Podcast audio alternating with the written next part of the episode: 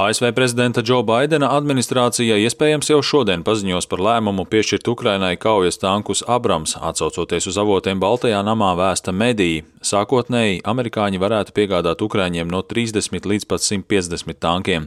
Savukārt Vācijas kanclers Olafs Šolts esot nolēmis piešķirt Ukrainai 14 tankus Leopard, kā arī neliks šķēršļus citām valstīm, kas nolēms piegādāt Ukrainai vācu tankus. ASV Senāta bruņoto spēku komitejas loceklis no Demokrātu partijas Ričards Blumentāls uzskata, ka Abrams un Leopard tanku piešķiršana Ukrainai būtu ļoti nozīmīga ne tikai militāri, bet arī politiski. The tanks are important as a message to Tanki ir nozīmīgi, lai parādītu Putinam, ka viņam neizdosies sašķelt sabiedrotos, kas ir bijis viņa ilgtermiņa mērķis.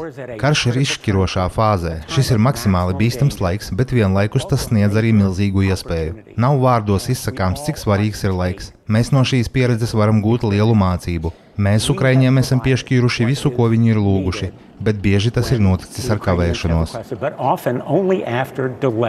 Militārie eksperti prognozē, ka Leopard tanki frontē Ukrainā varētu parādīties tuvāko divu vai trīs mēnešu laikā, jo šie tanki ir vairāku NATO dalību valstu un partneru valstu bruņojumā, tāpēc tos varētu ātrāk nogādāt Ukrainā. Leopardi ir pieejamāki, jo šos tankus darbina ar dīzeļdegvielu un tos ir vienkāršāk remontēt un uzturēt. Savukārt Abrams tanki ir tikai ASV bruņojumā, tāpēc to nogādāšana Ukrainā prasītu vairāk laika, turklāt to eksploatācija ir daudz dārgāka. Šī iemesla dēļ Abrams tanki frontē varētu varētu parādīties tikai pēc aptuveni sešiem vai astoņiem mēnešiem.